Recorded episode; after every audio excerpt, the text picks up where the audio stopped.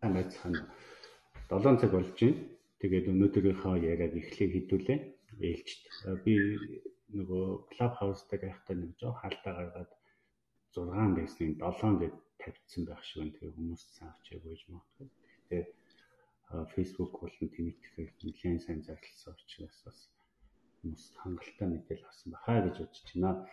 Тэгээ бид нар яг энэ 3 дахь өдөр болгоны 7 цагаас энэ Jotalk гэдэг яриаг зохион байгуулж байгаа. Монголын геомэдэлийн холбооны энэ Clubhouse дахь геомэдэл гэсэн энэ клабаас.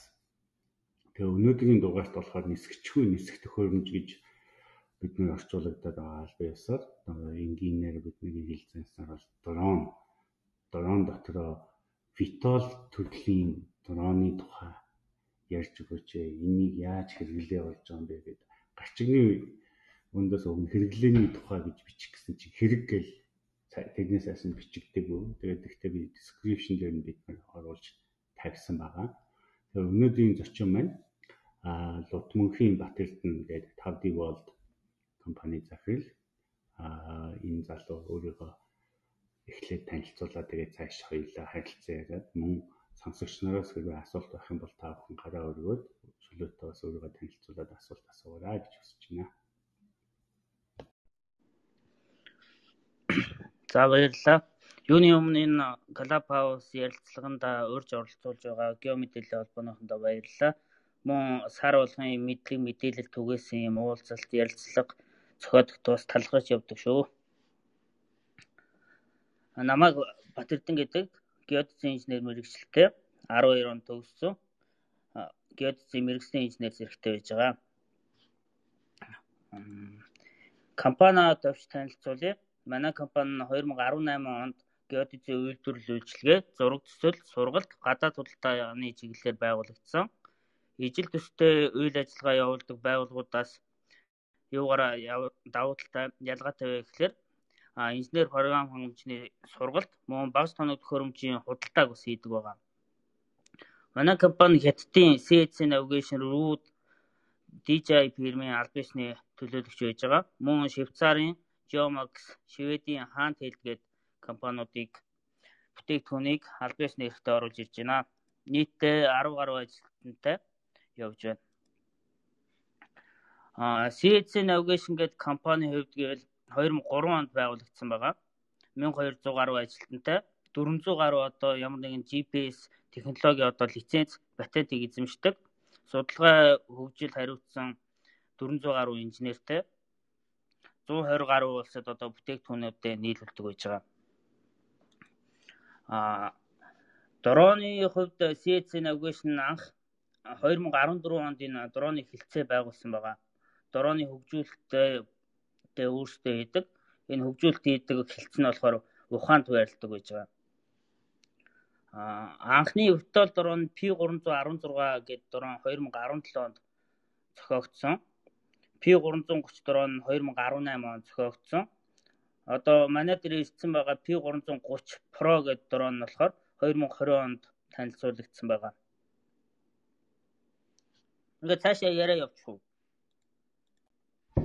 болно өөрөө э, яаж болно аяндаа завсарлахаар чинь би дундуур нь яг ингээд асуулт хариулмаар ихтэйгээр яваад ярьчин.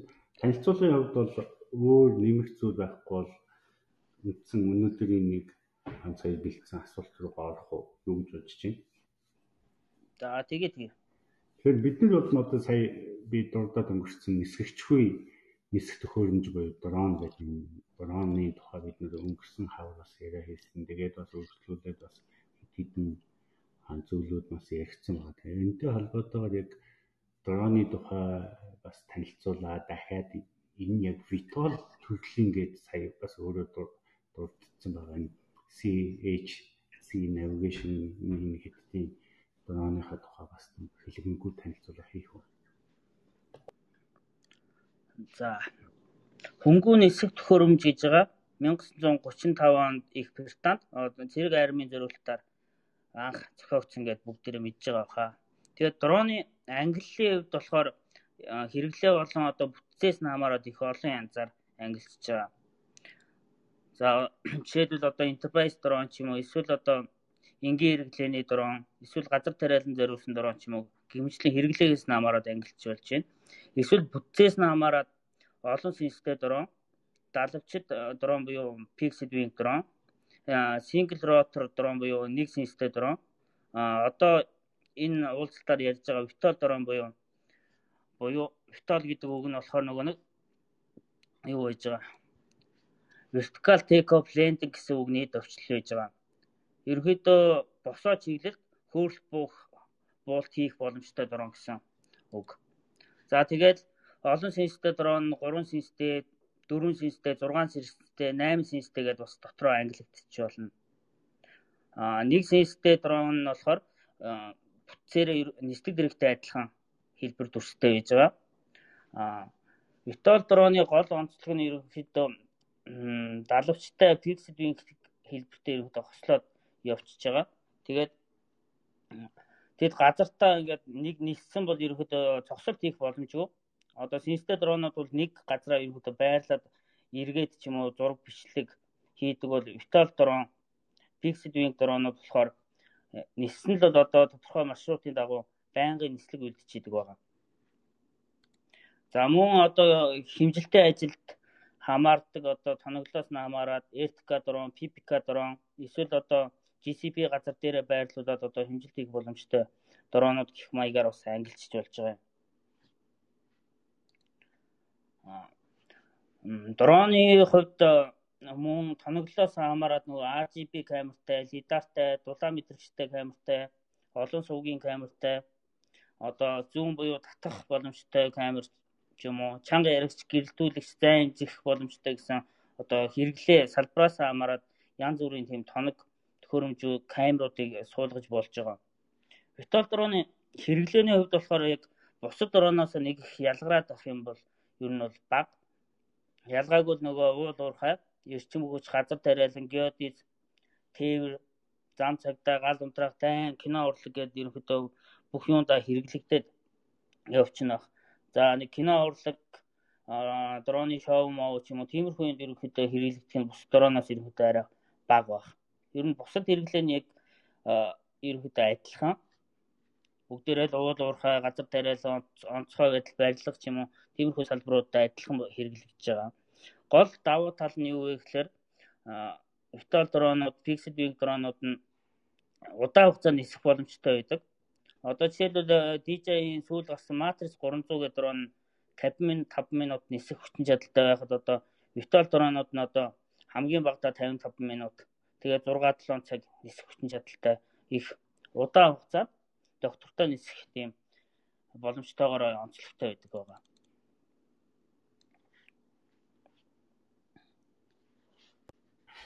Хэрэгжилж буй салбаруудын хувьд одоо ямар хуу төрлийн одоо сая дурдаад өнгөрсөн салбаруудын өгөгдөл мэдээллүүдийг боловсруулж байна. Тэр тухай танилцуулж болох дэлгэрэнгүй.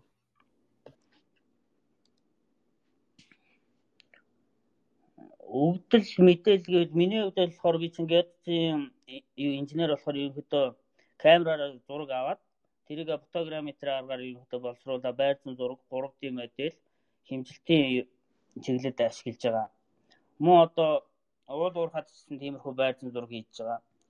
Бусад газар тариал нь мөн хор яах боломжтой мөн цэрэг дайнд одоо тийм хяналтын камертай тай ч юм уу эсвэл лидар суулгаад ч юм уу ерөнхийдөө бүхэл төрлөөр л ашиглаж байгаа да. Видео бичлэг, зураг авах юм уу. За манай сонсогчдоос асуулт байвал асуугаад явж болно. Зулнарыг микрофон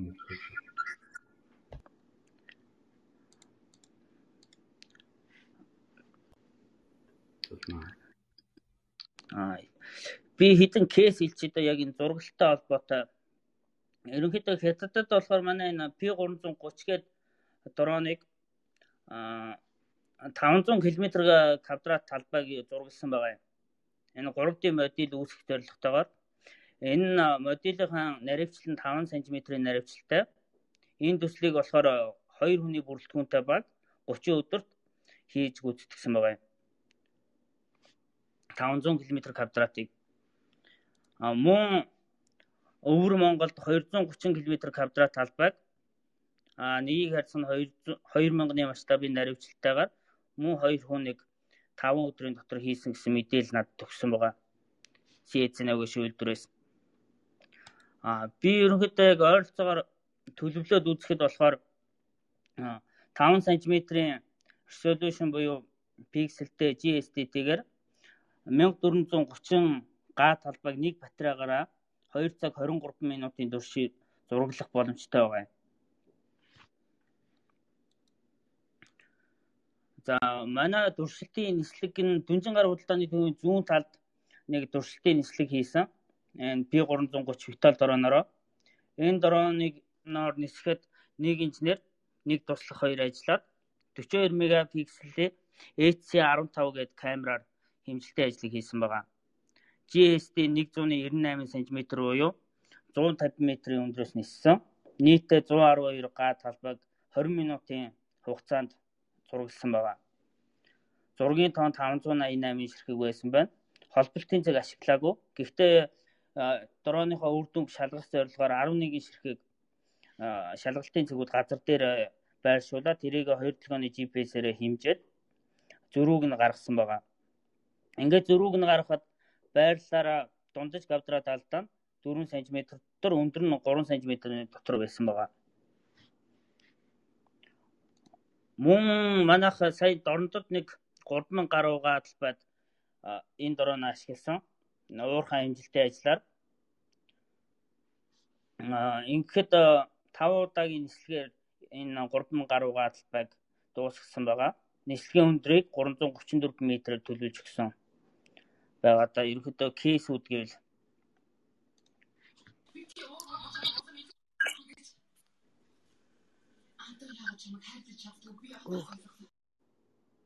Өөр асуулт байх уу? Одоохон сая төр яагаад.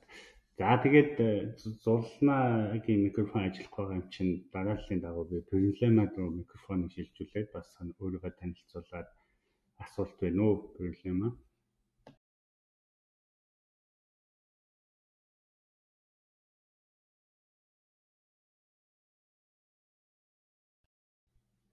Гатсан болов байна уу? Байна уу? Сонсогдож байна.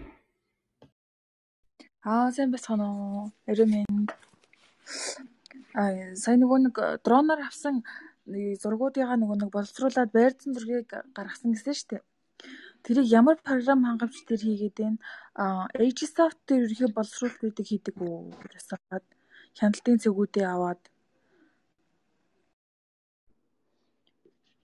манайх Metaship буюу Agisoft програмыг голчлон хэрэгжилж байгаа мөн Pix 4D програмыг хаяа хэрэгэлдэг. Аа манай ерөнхийдөө туршлагаас үндэслээд яг Pix 4D Agisoft хоёр програмыг харьцуулаад үзэхэд Agisoft нь болохоор жоохон юм харанхуй сүүдэртэй үед авсан зургийг боловсруулахдаа Pix 4D-гээс арай илүү санагдсан. Тэгээ байнга ерөнхийдөө Metaship-ийг фотоскана хэрэглээд явчихж байгаа.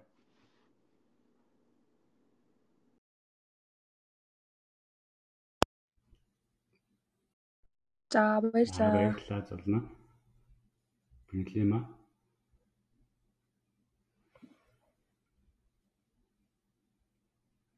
За эрдэнэ ч микрофоныг шилжүүлээ проблем арай боломжгүй байгаа юм шиг байна. Сайн уу эрдэнэ ч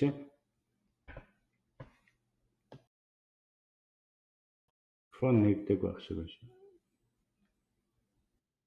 Аа энэ мэн. Аа сайн байцгаана уу? За бас бүгдээрэнд нь орой минь хүргье. Бас ийм аюу ийм гоё одоо бас ийм юу өнөөрөө бас нээлттэй юм яриа хийж байгаад маш их баярлалаа. За тэгээд энэ сүүлийн үед э, ялангуяа нисгчүүн нисгт хөрөмжийн талаар дэлхийн улс орнууд ялангуяа Япон Чибаг их сургуулийнхаа бас уралдаан зарлаад энэ бас Монголын залуучуудаа оруулаарай энэ төргээд бас урилга ирүүлээд байгаа. Тэгээ харин бас ажлын зав зайнаас болоод бас та бүхэнтэй холбогдож чадахгүй байсан юм аа. Тэгээ өнөөдөр бас энд урьж оролцсон учраас маш их баярлалаа. Тэгээ би бас тэр мэдээлэл маань өнгөрч хугацаа нь өнгөрчөөг бол явуулъя. А бас та нараас бас давхар суралцах хүсэлтэй байна. За яа тэгэхээр би нэг жижигхэн соронзон технологийн судалгаа хийж эхлэх гээд байгаа эрх хавар.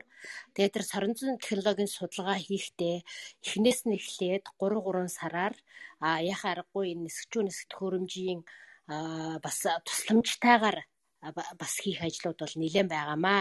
Тэгээд энэний дараа ярианы дараа одоо бас яг энэ дээр гол ажиллаж байгаа энэ залуучуудтай бас холбож өгөөрэй а бас энэ нисгчүүнээс төхөөрөмжийг одоо зургал үлдэх за төхөөрөмжөө аюулгүй нисгэх буулгах одоо юу аргачлсан одоо зөвлөмж технологи гэх юм одоо тийм ээ нисгэлтийн техникийн юм арга зүй за дээр нь зургийн боловсруулалтын талаар бол а юу би нэг 4 5 хүнтэй хамт хамтдаа та бүхнээс суралцах сонирхолтой байна. Тэгээ сургалтын бас төлөөлгөө тийм төлбөрийнхаа талаар дэлгэрэнгүй мэдээллийг бас бидэнтэй хуваалцвал их сайн байна. За баярлалаа. За баярлалаа Эрдэнэ чи гоё мэдээлэл байна.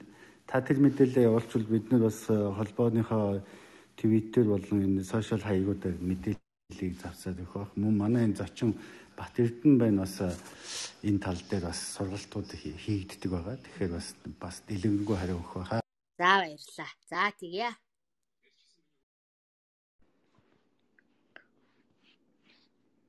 За баярлалаа бид нэр ерөнхийдөө янз бүрийн тийм судалгааны ажилд ерөнхийдөө хамтран ажиллахад бэлэн байгаа. Манай компани бас энэ агарын зураглалын сургалтыг бас хийж байгаа.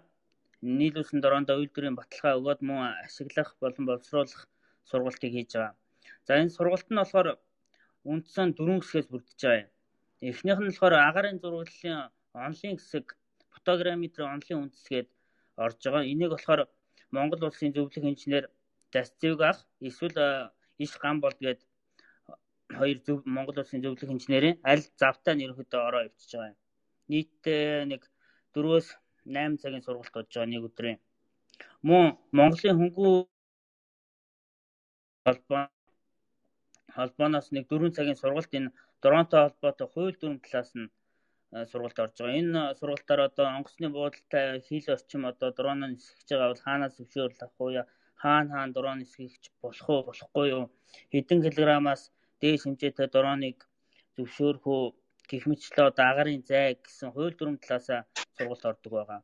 За миний хувьд болохоор яг практик талаас нь буюу одоо дроноо яаж нисгэх үү яаж өгсөрөх үү одоо замнал төлөвлөлтөө яаж хийх үү гэх зэргээр ерөнхийдөө практикийн сургалтыг мөн боловсруулалтын програм хангамж PX 4D эсвэл Metashare програмын сургалтаа нэг нэг өдрөөр хоёр өдөр орчиж байгаа.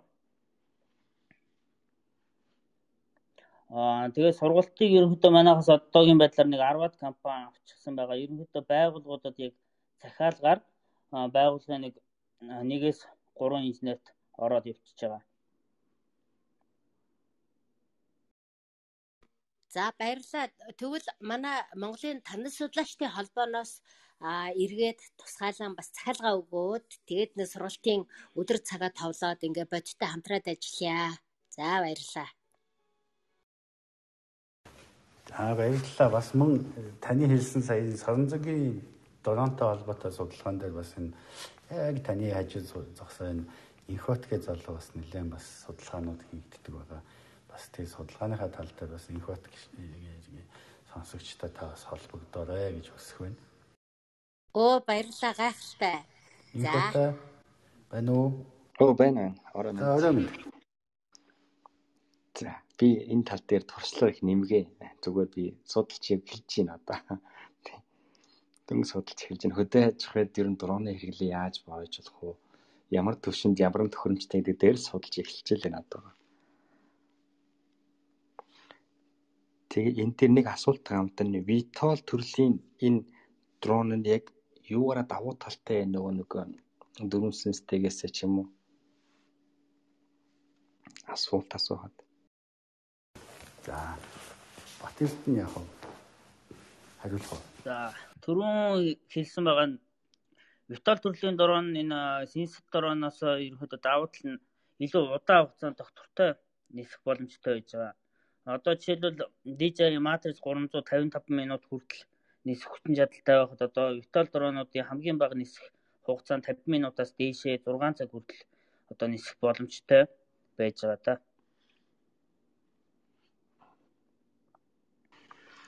Аа за за. Баярлаа.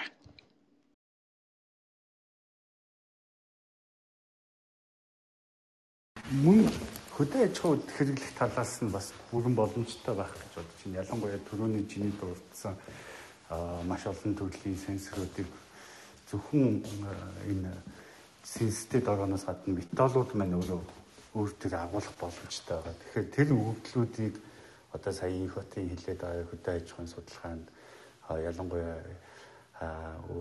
тооцоолбуудад хэрэглэх боломжтой байх гэж бодож байна. Тэр талаас нь бас нэмэлт зүйл хэлэхэд байна. Тийм тийм ер нь нөгөө нэмэлт RGB камер ч юм уу эсвэл мультиспектрал буюу олон суугийн камер ч юм уу суулгаад одоо адилхан сенстэй дронтой адилхан одоо замлаа өгөөд нислэг хийх боломжтой. Гол онцлог нь одоо илүү том талбайг нэг батарейгаар нэг нислэгээр хэмжиж чаднаа л гэсэн үг. Тэгэхээр энэ юу юм аа? Үнийн хэд ямар байдаг юм бэ? Үнийн хувьд болохоор манай энэ CHC-ээс нь P330 гэсэн дрон болохоор нэг 100 гаруй саятай байж байгаа. Аа тэгээд ерөнхийдөө Joe гэдэг дронууд ерөнхийдөө ер нь Итали төрлийн дронууд нэг 60 саяас дээш үнэтэй байгаа болов уу гэж бодож байна. Аа тэгэхээр энэ хаана үйлдвэрлэл урд үйлдвэрлэдэг дрон дрон дөрвөлж ирдэг үү? Тийм тийм хэттэй. Аа боловсролтын төв нь нөгөө алдартай уухан ковид гарсан уухан шүү. Тэгэхээр ковид ч маш өөрөө яг энэ урамзай мэдээллийн төвд маш одоо юугаар болно R&D центр research development центрүүд их байдаг. Тэндээс гарч ирж байгаа маш олон бүтээгдэхүүнүүдийн нэг бол энэ CH navigation битүүл тавдыг болтыг танилцуулж байгаа энэ төрлийн дуран маань орж байгаа.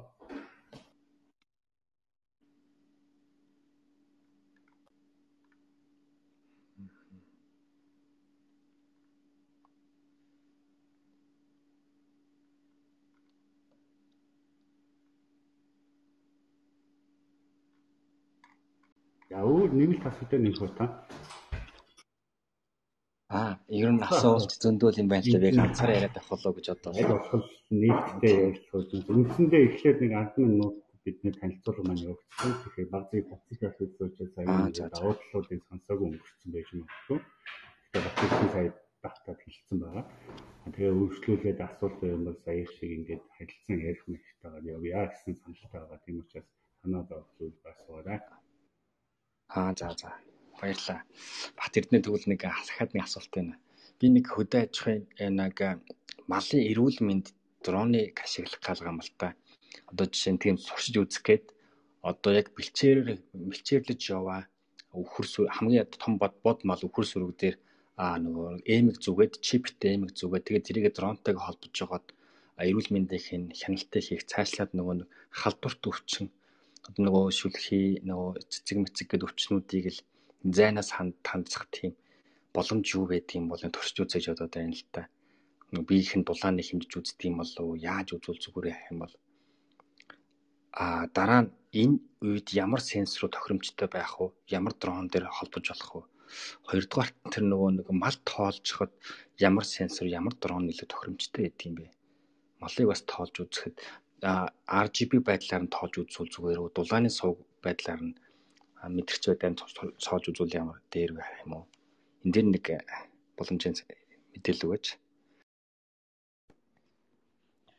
За малын эрүүл мэндэд эм зүүн гэдгсэн дээр эм нь яг ямар төхөөрөмж байх юм болоо одоо тэр малынхаа одоо судас мудастай холбогдоод зүрхний цохилт юм уу нэмждэг юм уу эсвэл зүгээр байрлалыг заадаг тийм GPS төхөөрөмж юм уу тэрнээс хамаарнах а дроноор болохоор нөгөө мал тооллого дээр RGB камер болон тэр олон суугийн камер аль аль нь болно. Гол нь нөгөө нэг яг боловсруулж байгаа парам хангамж тэр нөгөө нэг алгоритм нь чухал болов гэж бодож байна. Яг надад гэвэл яг тэр мал тооллого, амтан тооллого дээр яг хийжсэн тийм дуршлаг бол байхгүй байна. Эмэг дээр ч яг хуу тийм GPS-тэй биш ээ. Зүгээр нэг ойртохоор мэдэрдэг нэг RFID төхөөрөмж холбож өгөх болгоом л та. Бусдаар GPS холбохоор нөө дахиад зардал нэгсэх нөгөө урт хугацаанд ажиллах боломж нь бас хумс байх байх. Дулаан Аа. ингээд байна шүү мэнд- Тийм. Тэгэхээр Vitol дээр ч бас дулааны камер суулгах боломжтой байна. Зөвхөн бид нар малти спектакль буюу олон цугийн юу яаж чадах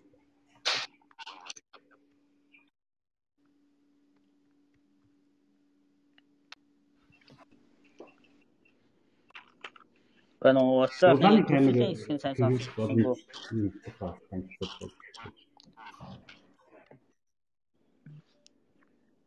Тэг ер нь аль аль нь болон дулааны камер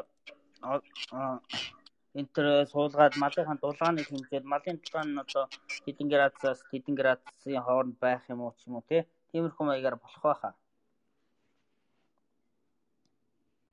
Сая давхартаа дахин түр микрофоны чи хаацсан энэ хөтэй. Өшөө асуулт байвал цаад өөрөө микрофон нэгээд л болсон уу? Өндөө нь бас хэлсэн. Аа за. За тий тий. А таны компани яг энэ дронуудыг захиалахаар захиалахад нэлэхүү бэлэн танад байж уу? Дроныхоо төрөл загвараас болно. Зарим маркууд нь бэлэн байгаа, зарим нь захиалгаар орж ирнэ. Захиалгаар гэвэл нэг хятадаас нэг 14-өөс 20 хоногт ороод ирж байгаа. Аа яг бэлэн байгаа нь гэвэл одоо P330 Vitol төрлийн дрон бэлэн байж байгаа. Мөн CC-8-өөс нэг V200 гэдэг дөрвөн сенстэй тийм дрон байж байгаа. Тэгээд DJI дронуудыг болохоор манай Hobbyzone гэдэг компанитай хамтарч ажилладаг байгаа. Тэднийхтэй ерөнхийдөө саб дилер буюу дахин худалдаалагч гэсэн үг. Тэгээд тэдний одоо худалдаж авсан дронуудын сургалт үйлчлэгийг нь бас хариуцсан яж байгаа. Тэгээд Hobbyzone дээр одоо ямар дронууд нь бас бэлэн байж гин тэр дронуудыг бас манайхаар дамжаад үндсэн үнээр нь худалдаж авах боломжтой байгаа.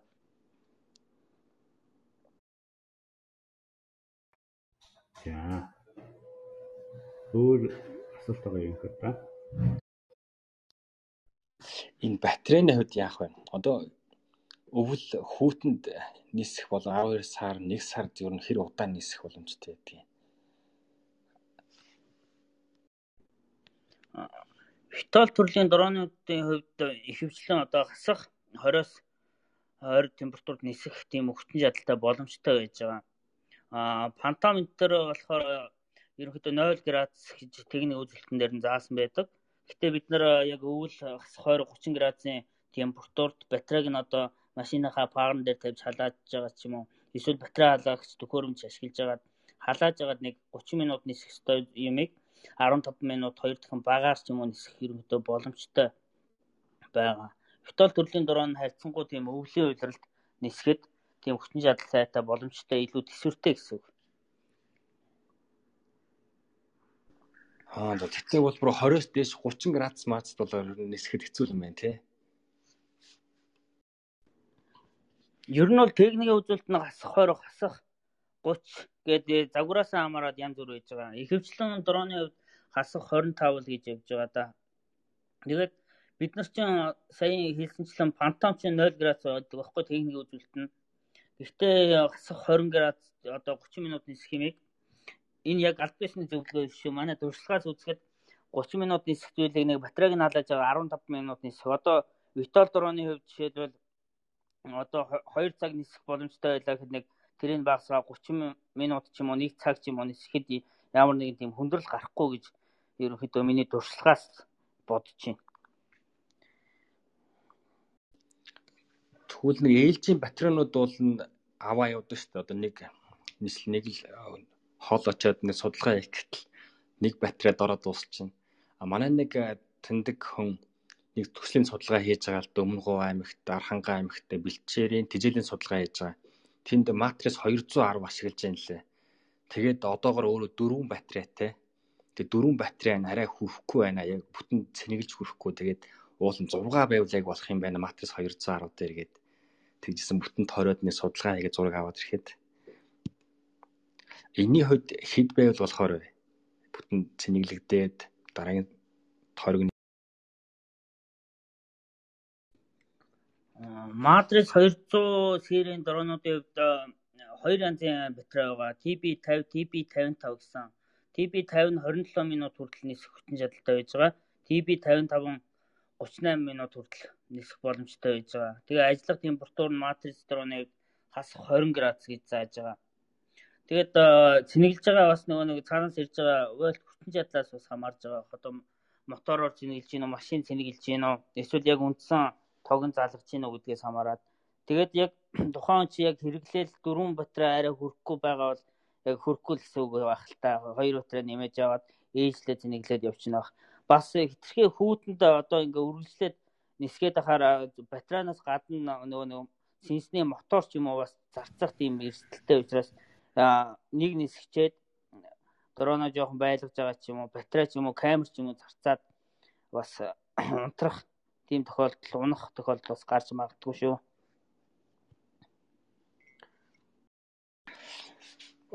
За дрон нисгээд хинжил зураглалаа хийх ч юм уу ярихт бол дахиад газар дээр дахиад нэмэлт сенсор танах суулгадаг энэ дээр холбож илүү найруулчлаа зураг гаргахын тулд энэ RTK мод бол энэ дээр орж ирдэг үү? Matrix 210 300 сая манай танилцуулсан Vitol дрон CH-ийн дронууд бол бүгдээрээ PPK Arctic гэж байгаа. За манай дээр гэвэл DJI Phantom 4 Pro version 2 гэдэг зүгээр энгийн хэрэглээний дрон дээр тэр PPK төхөөрөмж нэмэлтээр суулгаад одоо ямар ч хамаагүй base stationтэй одоо статик хэмжилт хийх зарчмаар холбоо дараа нь боловсруулалтаараа одоо авсан зургийн наривчлалыг сантиметр руу оруулдаг ч юм уу. Тиймэрхүү боломж бол байж байгаа.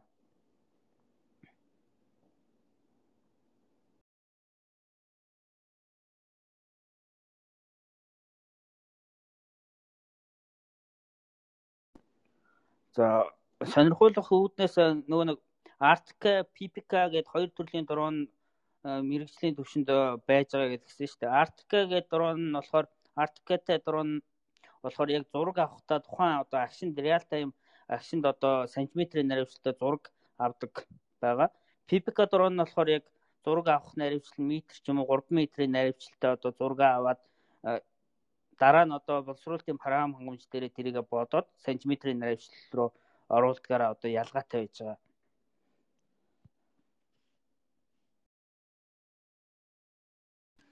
За баярлаа. За баярлалаа. Өшөө нэмэлт асуулт байна уу? Нэг микрофон нээлтсэндээ сайн асуулгаар авах гээд яриулаад байгаа шүү дээ их та. За. А би бас нөгөө өөр одоо чинь Европын холбооны улсууд бас зөндөө дороо дээ. Франц байна, Америкийн, Канадын тэргээд тэр дороонууд бас ялгарх юм нь юу байна вэ? Тэд нар яг үнэтэй л юм л та. Тэгээд чанараар нь байд юм уу? Юугаар байдгийг. Тэд дэттэн дороонд арай хямдхан байгаад байдаг. Тэдрээс ялгарх онцлог нь юу байх вэ? За би яг тэр Европын орны тэр үнэтэй үнэтэй яг дронуудыг яг өөрөө хэрглэж үзээгүй болохоор сайн хэлж мэдэхгүй байна. Миний яг хэрглэжсэн дронууд болохоор DJI болон CC Navigation-ы дронуудыг л хэрглэж байгаа. Vitol болон Sense-тэй дронууд APV дронууд ч юм уу. Яг ялгаа нь гэвэл одоо үний хувьд хямдхан. Тэгээд хятадууд чинь сүүлийн үед одоо технологиор дэлхийд тэргүүлээд эхэлчлээ штэ. Тэгэхээр одоо хятад GPS муу Америк Trimble сайн ч юм уу эсвэл Америк Европын дрон сайн хятад муу гэд яг хэлэхэд бол тохиромжгүй. Яг нөгөө тухайн хэрэглээндээ тохирсон техникийн үзүүлэлттэй тийм дроныг сонгочихдод аль нь ч ерөнхийдөө хэрэглээ хэрэгцээг хангаа явуучих байхаа түлшээр ажилладаг дрон байгаа юу? Энэ энэ үйлдвэрт одоо бид дизель түлшээр ажилладаг. За яг э, түлшээр ажилладаг дрон бол байхгүй байгаа. Манайх бас Joe Wave гэдэг одоо дроны хятадын үйлдвэртэй бас холбоотой байгаа. Эднийд байж магадгүй. Хэрвээ сонирхвол илүү асуугаад мэдээлэл авч болно. Эднийх болохоор яг тийм дроноор дагнсан яг дроны үйлдвэрийн тийм компани байж байгаа.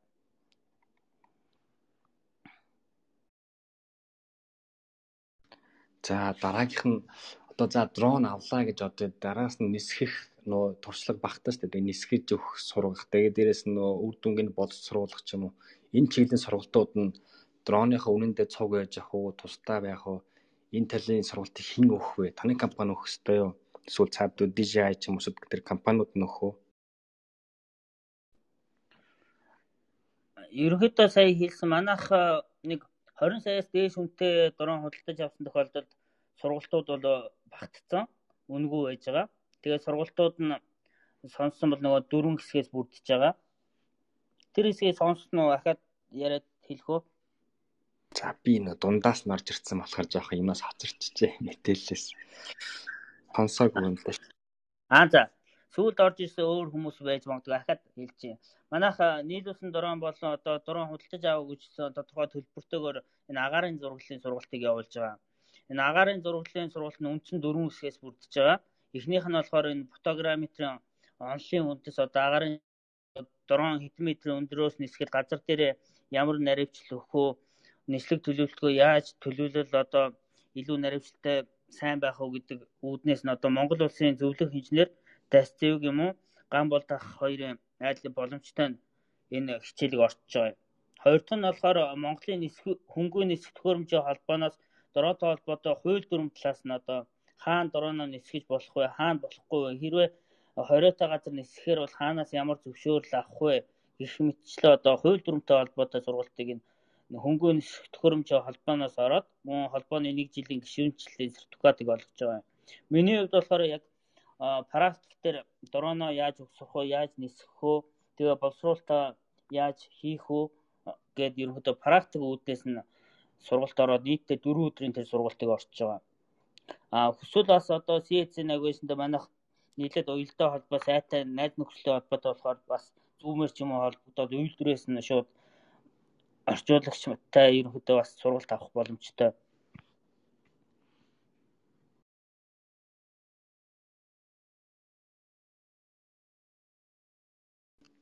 Энэ дронтой холбоотой энэрхүү чиглэлийн олон улсын үзэсгэлэн худалдаа ер нь хаана хаана хизээ болдог вэ?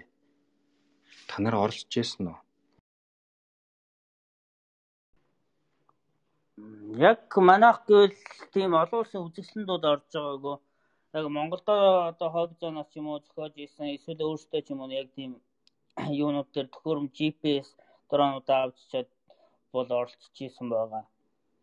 Одоо дронтой холбоотой яг тийм дагнсан яг үзэсгэлэн юуг нь сайн хэлж мэдэхгүй байгаа даа.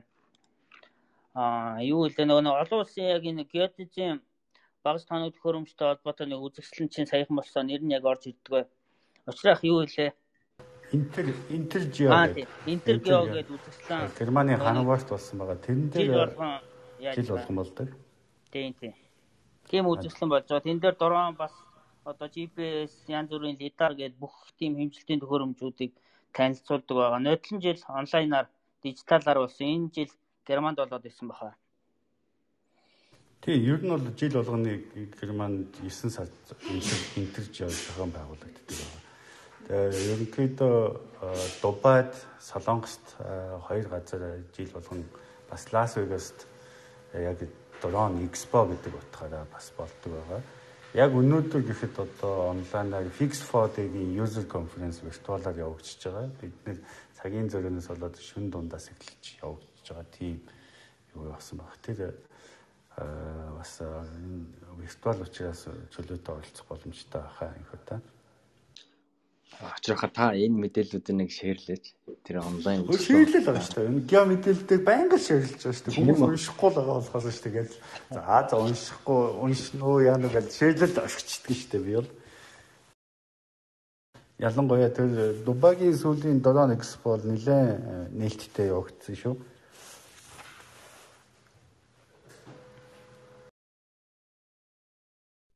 За тэгвэл тэрийг Аа байж байгаа Батэр их бата. Микрофоныг төр зур Батэрдэн лөө шилжүүлээ. Сайн уу Батэрдэн?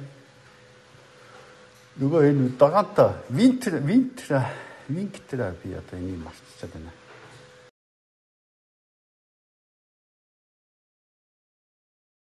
Байна уу? Гаццсан байгаа юм болов уу? Энэ сүүлийн үе жоохон гацаад байх шиг байгаа юм байна. Давхар явах түр тэр хооронд нь өсөх эрдэн илүү микрофоныг хилжүүлээ.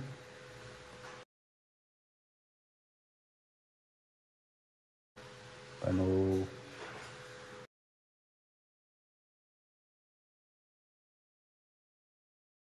Мөн сонсогч нараас бас энэ металл болон долооны тухай асуулт байвал гараа өргөд бас асууж болно шүү. Монг манай энэ Монголын геомэдэлийн холбооны гүйцэтгэх захирал Отхон жаргал ороод ирсэн байна. Бас манай холбооны үйл ажиллагаатай танилцбал бас та бүхэн ээлжтэй шүү. Хишгээд асуулт байгаа юу? За одоогор алгаа. Баярлалаа. За өөр сонсогч нараас асуулт байгаагах нь болов юу бол микрофоныг бас отгоор шилжүүлэх үү яах вэ? Отгоо яаж ин ярих боломжгүй бол санаа зовлтгүй шээ.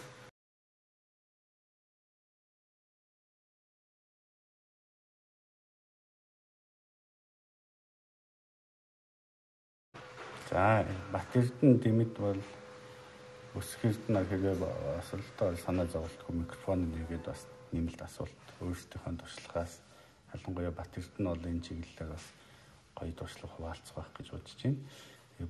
Өөр асуулт байвал бас их бата асууж болно эрдэнэгч Бинлэма та бүхэнд микрофон нээлттэй байгаа. Бат Эрдэнэний хувьд ч гэсэн асуугаагүй зүйл орхигдсан энийг нэг бидний нэг дурдчихын сая сая ялангуяа өтөр нэг ярилцчихсан да. Яг энэ програм хангамжуудын хувьд би сая хальт дурдаад өнгөрсөн fix for-ыг эхлэхэд өнөөдөр virtual user conference явагдчихж байгаа. Тэгэхээр энэ үзүүлэлтүүдийг ашиглахад хэрэгтэй энэ э, мэдээллүүдийг ямар хэлбэрээр гаргаж авч байна дата өгөгдлийн хувьд дата өгөгдлийн хувьд э, одоо RGB камераас гэвэл одоо энэ байрны зураглалын хувьд гэвэл одоо орто фото зураг өндрийн тоон загвар дээ.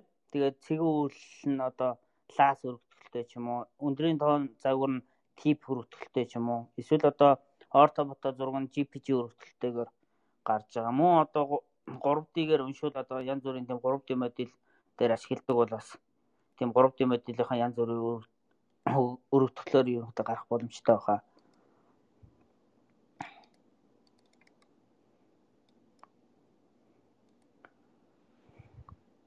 А 3D модель нь болохоор энэ Zip, TLC гээд өргөтгөлүүдээр гардаг юм биш үү. Ерөнхийдөө боловсруулалтын програмын онцлогоос хамаарат форматууд бол тэр экспорт хийх боломжууд нь янз бүр байж байгаа. Аа зөв зөв тийм бас юу байна. Ер нь одоо зөвхөн сая дурдсан салбаруудаас гадна танаа миний ойлгож байгаа бол бас зам зураглалын инженерийн шугам сүлжээнд бас нэлээд ашигласан жишээнүүд байгаа гэж бодож чинь тэр тухайга ярьж өгвөл ялангуяа бас зарим нэг одоо өндөр хүчтэй бүхий газрууд ч юм уу тэрэнд одоо ойртох үед ямар аюулгүй ажиллагаа шаардлагатай нэг талаасаа бид нар бас эрчим хүчний компаниуд өрчин шугам шүлжээгээ шалгах зорилгоор бас дроныг ашиглах сонирхолтой байдаг. Тэгтэл тэр орчимд нас нөгөө шүлжээ унах ч юм уу ямар нэгэн байдлаар долгионы нөлөөллүүд орж ирдэг тохиолдлууд тэр хэр ямар арга хэмжээ авч исэн бэ? Тэр талаараа бодох уу?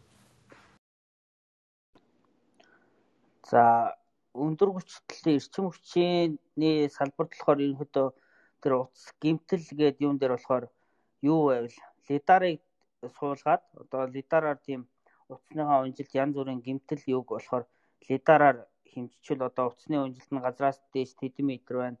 Одоо дараа сар хэмжихэд одоо тэдэн сантиметр ууч нэмэгдсэн байна ч юм уу тий. Гэх мэтлэн хэмжиж болно. А өндөр хүчлийн хувьд болохоор одоо сүүлийн дронууд харьцангуй гайгүй тэгж сүлжээ уунж яах нь ерөөдөө гайгүй болцсон доо. А юуны тэр телевизэн антин интернет бас жаал нөлөөлөддөг юм байгаа. Тэрний гарч байгаа давтамж нь би нэг телевизэн антинтай ойрхон нэг фантомо нисгэж жагаад удирдлага салаад нэг алга болчихсон.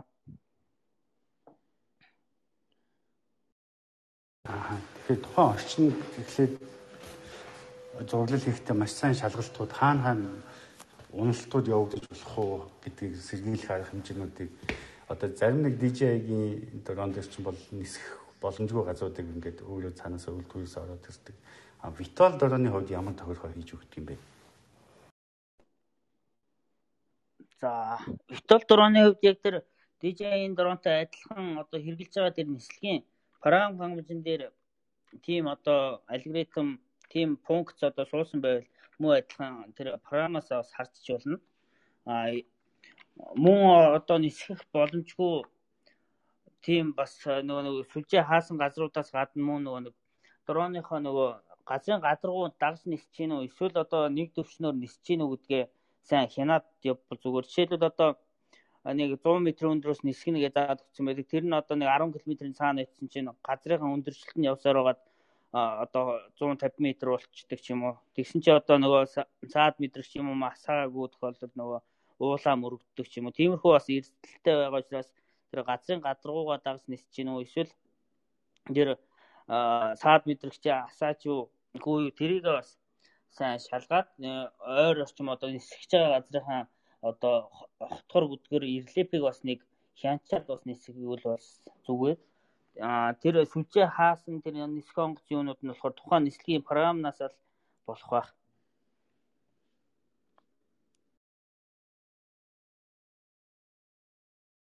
Аа зөв зөв. За. Инкотын хувьд асуулт байгаа юу? Бас мөн сонсогч нараас нэмэлт асуулт байвал асуугаарай. За би бас нэг юм асууя. Одоо нисгэж байгаад унгах ч юм уу юм өргөчихвөл танаа сервис үйлчлэгээ ер нь яаж үзүүлдэг вэ? Урагшаа үйлдвэрлэл нь уу, эндээ уу? За тухайн дроны гимтэл одоо хэр зэрэг байгаа гэдгээс хамаарат зарим гимтлийг эн чинь Монголдо засаж байгаа. Зарим засч чадахгүй юмнуудыг урагшаа явуулж байгаа. Гэхдээ урагшаа явуулахынхаа өмнө бид нар яадаг вэ гэхээр үйлдвэрлэл нь эхлээд нөгөө хар хайцгийн дата юу тухайн нийслэгийн лог файлыг үйлдвэрлэл нь явуулна. Тухайн үйлдвэрээс тухайн файлыг шалгаад одоо хэрэглэгчийн буруутай үйлдэл байна уу, орчны одоо цагийн гарын салхины нөлөөлөл байна уу ч юм уу? Тэрийг эхлээд тодорхойлчихно. Дараа нь бид нар одоо видео коллар ч юм уу янз бүрийн одоо юугаар одоо тэр дроныхоо зураг хөргийг эсвэл бичлэгээр дроныхоо гимтлийг явуулаад тэр дроно засах боломжтой эсэх аль эд ангинд гимтсэн эсгээ ерөөдөө биетээр нь одоо хараад юм уу? Эсвэл одоо нөгөө компьютерт залгаж байгаад бас програмаар одоо тэр хэсэг нь гимтсэн байна гэдээ гараад ирдэг байгаа. Хэрвээ тэр гимтлүүд нь ерөөдөө тодорхой болчих юм бол заавал урагшаа бол засуулахгүйгээр бас яг тэр гимтсэн хэсгийнх нь эд ангийг бас урдаас явуулах боломжтой. Бид нар тэгээ өөрсдөө тэрийг тайлаад сойлоод яачих боломжтой. Бүр засч чадахгүй тийм том хэмжээний гимтэл ойл үйлдвэрлэлөнд явуулаад засах тийм боломжтой байгаа. Энэ дээр даатгал гэж байдгүй. Даатгал. Даатгалыг э, яг хэлж мэдэхгүй байна. Зарим ихэнх ерөнхийдөө даатгалын компаниуд дроныг болохоор даатгахгүй байгаа. Сүүлийн үед ганц нэг нь даатгаж эхэлсэн юм болов яасан бол тэр талаар сайн мэдэхгүй байна. даатгалын компаниудтай холбож үзвэл бас их дрон борлуулалт чинь хэрэгтэй болох юм шиг байна бат гэж байна.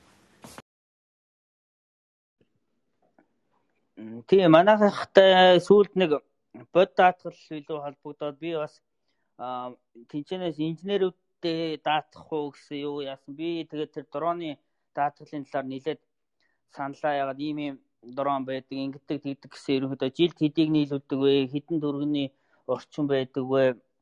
Тиймэрхүү судалгаа. Яагаад судалж үзээд хариу хэлье гэсэн байж байгаа.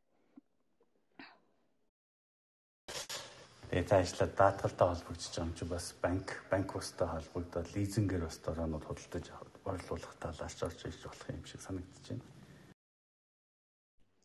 Аа төлбөрийн хувьд гэвэл манайх нийлээд уян хатан нөхцөлтэй бас нөгөө харилцагчтай нийлээд боломжийн бас сонссон юутай байж байгаа. А манайх нөгөө одоо энэ CHC navigation гэдэг үйлдвэрийн хувьд ерөөдөө үйлдвэртэйгээ нийлээд одоо хамтын ажиллагаа сайтай болохоор одоо зарим нэг дуроонд ч юм уу багц тоног төхөөрөмжийг биднэрт бас үйлдвэрээс нэг 3 сарын хугацаатай 5 сарын хугацаатай зээлээр биднэрт өгөх боломжтой байдаг. Тэгээд үйлдвэрээс өгсөн тэр хугацааны лизингийг бас бид нар харилцагчтай одоо 3 сараар ч юм уу юугаар ч бас тодорхой хэмжээнд өгөөд ээж болно. Манайх бас лизингийн хувьд гээл хаан банктай гэрээтэй ажиллаж байгаа. Хаан банк дээр одоо дронч байсан, GPS ч байсан. Урьдчилгаа 15% өгөөд үлдэгдэлтэй 5 жилд одоо цувуулаад өгч болно. А бас хитайхан боломж шүү юм чинь. За микрофон нээлттэй байгаа. Тэгэхээр та бүхэн асуултаа асуугаарай. Номын цэцэг өөрийгөө танилцуулаад асуулт байл асуугаарай.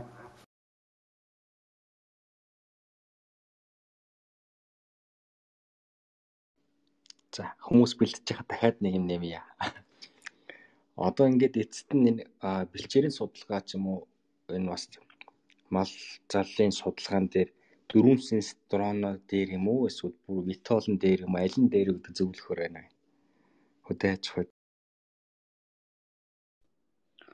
Аа сая хэлсэнчлэн нөгөө нэг зориултаас болно л да. Одоо жишээлбэл маллаа одоо RGB камераар яг энэ тэндээс нь бичлэг хийгээд тооллого юм юм дээр э, ашиглах уу эсвэл одоо баг одоо хэмжилтийг талбай хэмжээ нь хийрий гэдгээс ерөөдөө хамаарч байна. Нилээ том талбайг хамарсан судалгаа хэмжилт хийж байгаа бол витол дрон зүгээр эсвэл одоо жижиг талбайд яах гэж байгаа бол дөрвөн сенстэй дронч хэрэгтэй юм уу? Тухайн төслөөсөө бол хамаарж байгаа бах.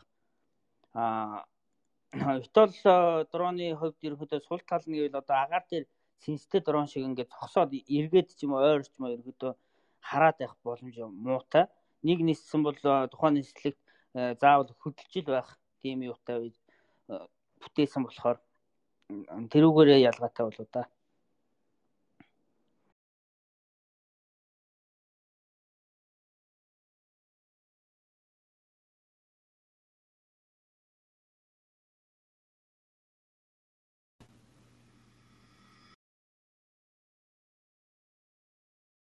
Тэгээ нэг хоёр юу орцгож байгаа ингээд цуг орж байгаа. За бас яг миний асуу гэж бодож ирсэн төгсгөлд нь ер нь ингээд витол дрон витол энэ сенстэй дронуудыг ашигласан давуу талууд юу бий болгож байна? Зөвхөн ингээд хүм хүчний хувьд, эдийн засгийн хувьд, өгөгдлийн хувьд хэр ойлгомжтой болгох тийм давуу талуудыг өөрийнхөө туршлаган дээр танилцуулах. За давуу тал гэвэл нийлээд давуу тал олгож байгаа л да. Синстеж байсан Витолч бас аль аль дрон нь Витол дроны давуу тал нь гэвэл ерөөдөө илүү удаан хугацаанд өндрөөс одоо зураглалыг одоо жижиг масштабын зураглалыг ч юм уу хийх боломжтой болж байгаа. Өмнө нь болохоор бид нар чинь нөгөө GPS-ээр одоо бариад алхдаг эсвэл одоо машин дээрээ зоогоод явдаг. Тэгэл ерөнхийдөө хүн хүч, хоног, хугацаа тухайн зарцуулж байгаа одоо зардал мөгийг ерөнхийдөө тэр дроноос агаараас авч ийн гэхлээр ерөнхийдөө бараг 10 дахин одоо бага хугацаанд бараг 10 дахин одоо бага зардлаар одоо хийгээ болчих чинь бол гэсэн үг. Одоо өгж байгаа одоо өгдлийн хувьд ч гэсэн одоо орто бото зураг одоо тухайн орчныхоо бүх одоо ямар ямар өнгөтэй юутай байсан гэдгийг бүгдийн дроноос гаргаад ирчихэж байгаа. Одоо болохоор 3D моделийн тань гаргаж байгаа болохоор хуучны тэр GPS-ээр явж исэн, тоол стейшнээр явж исэн зураглалын үеийг эс бол хамаагүй давуу талтай болчихж байгаа.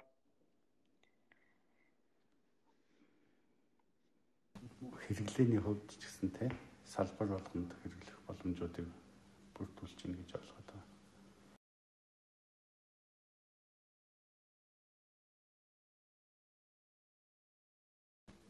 За ерөнхийдөө бид нэр 50 50 гаруй минут болсон байна. Нэг цаг орчмоор үргэлжлэе гэж төлөвлөгөө танилцуулж ирсэн. Тэгээд сүүлийн төгсгөлийн асуултууд байна уу? Сонсогч нараас бас байвал инквата дахиад нэмэлт боломж олгохгүй. За, ашгүй баярлалаа. Би Бат Эрдэнэ өшөө ингээд юм дэлгэрүүлээд уулзах юм байвал холбоо ярьж болох уу? Өөртөө чинь холбоо бариад. Тэгээ тэгээ болно олон чөлөөтэй бид нар ямар ч байдлаар хамтарч ажиллаж танилцаж одоо хамтын ажиллагаагаа хэлэхэд бэлэн байж байгаа. Манай офис болохоор энэ Дүнжин гар худалдааны төвийн замын эсрэг талд богд онгтой шилэн барилгын 9 давхар 904 доод байж байгаа. А манай вебсайт болохоор 5D World-ийг имэн гэдэг байж байгаа. Пэйж хуудас бас 5D World гэсэн нэрээр байж байгаа. Миний Facebook хаяг болохоор Илцэг Батох гэсэн хаягтай байж байгаа. А утасны дугаар гэвэл 9965 6254 гэсэн дугаараар холбоо барьж холбогдож болно. За баярлалаа. Тултлан л мэдээлэл өглөө тэгвэл холбогдох мэдээлэлээр.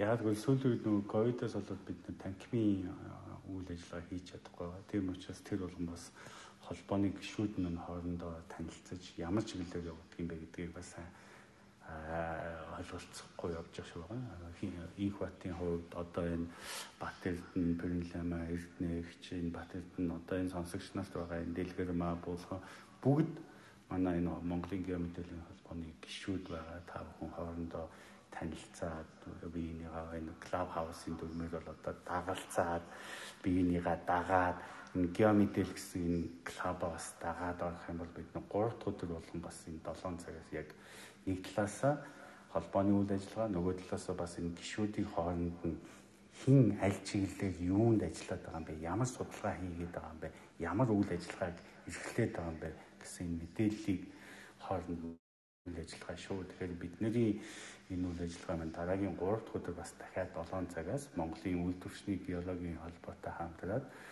геологийн зураглалд хэрэгжилж байгаа секунд гэсэн аппликейшны тухай та бүхэн танилцуулахаар үргэлжлсэн байдлаар яригдсан байна. Тэгээд нэгтгэс бид нар бас зараа бас гео мэдээлэл болон бусад сошиал хуудасуудаараа цацаад эхлэх баг. Тэгэхээр тэрэнд бас идэвхтэй оролцоорой.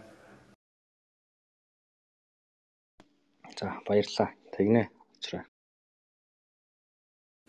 За тэгээд төгсгөлд нь бас асуулт байхгүй бол Батэлдэнд бас яг төгсгөлийн өнөөдрийн үйл ажиллагааг хааж бас өөрийнхөө бас дуртаагүй зүйлээр л нэмэлтээр дахиж сансан зүйлээ хэлээд бас өнөөдрийнхөө үйл ажиллагааг дуусгая гэж бодож байна.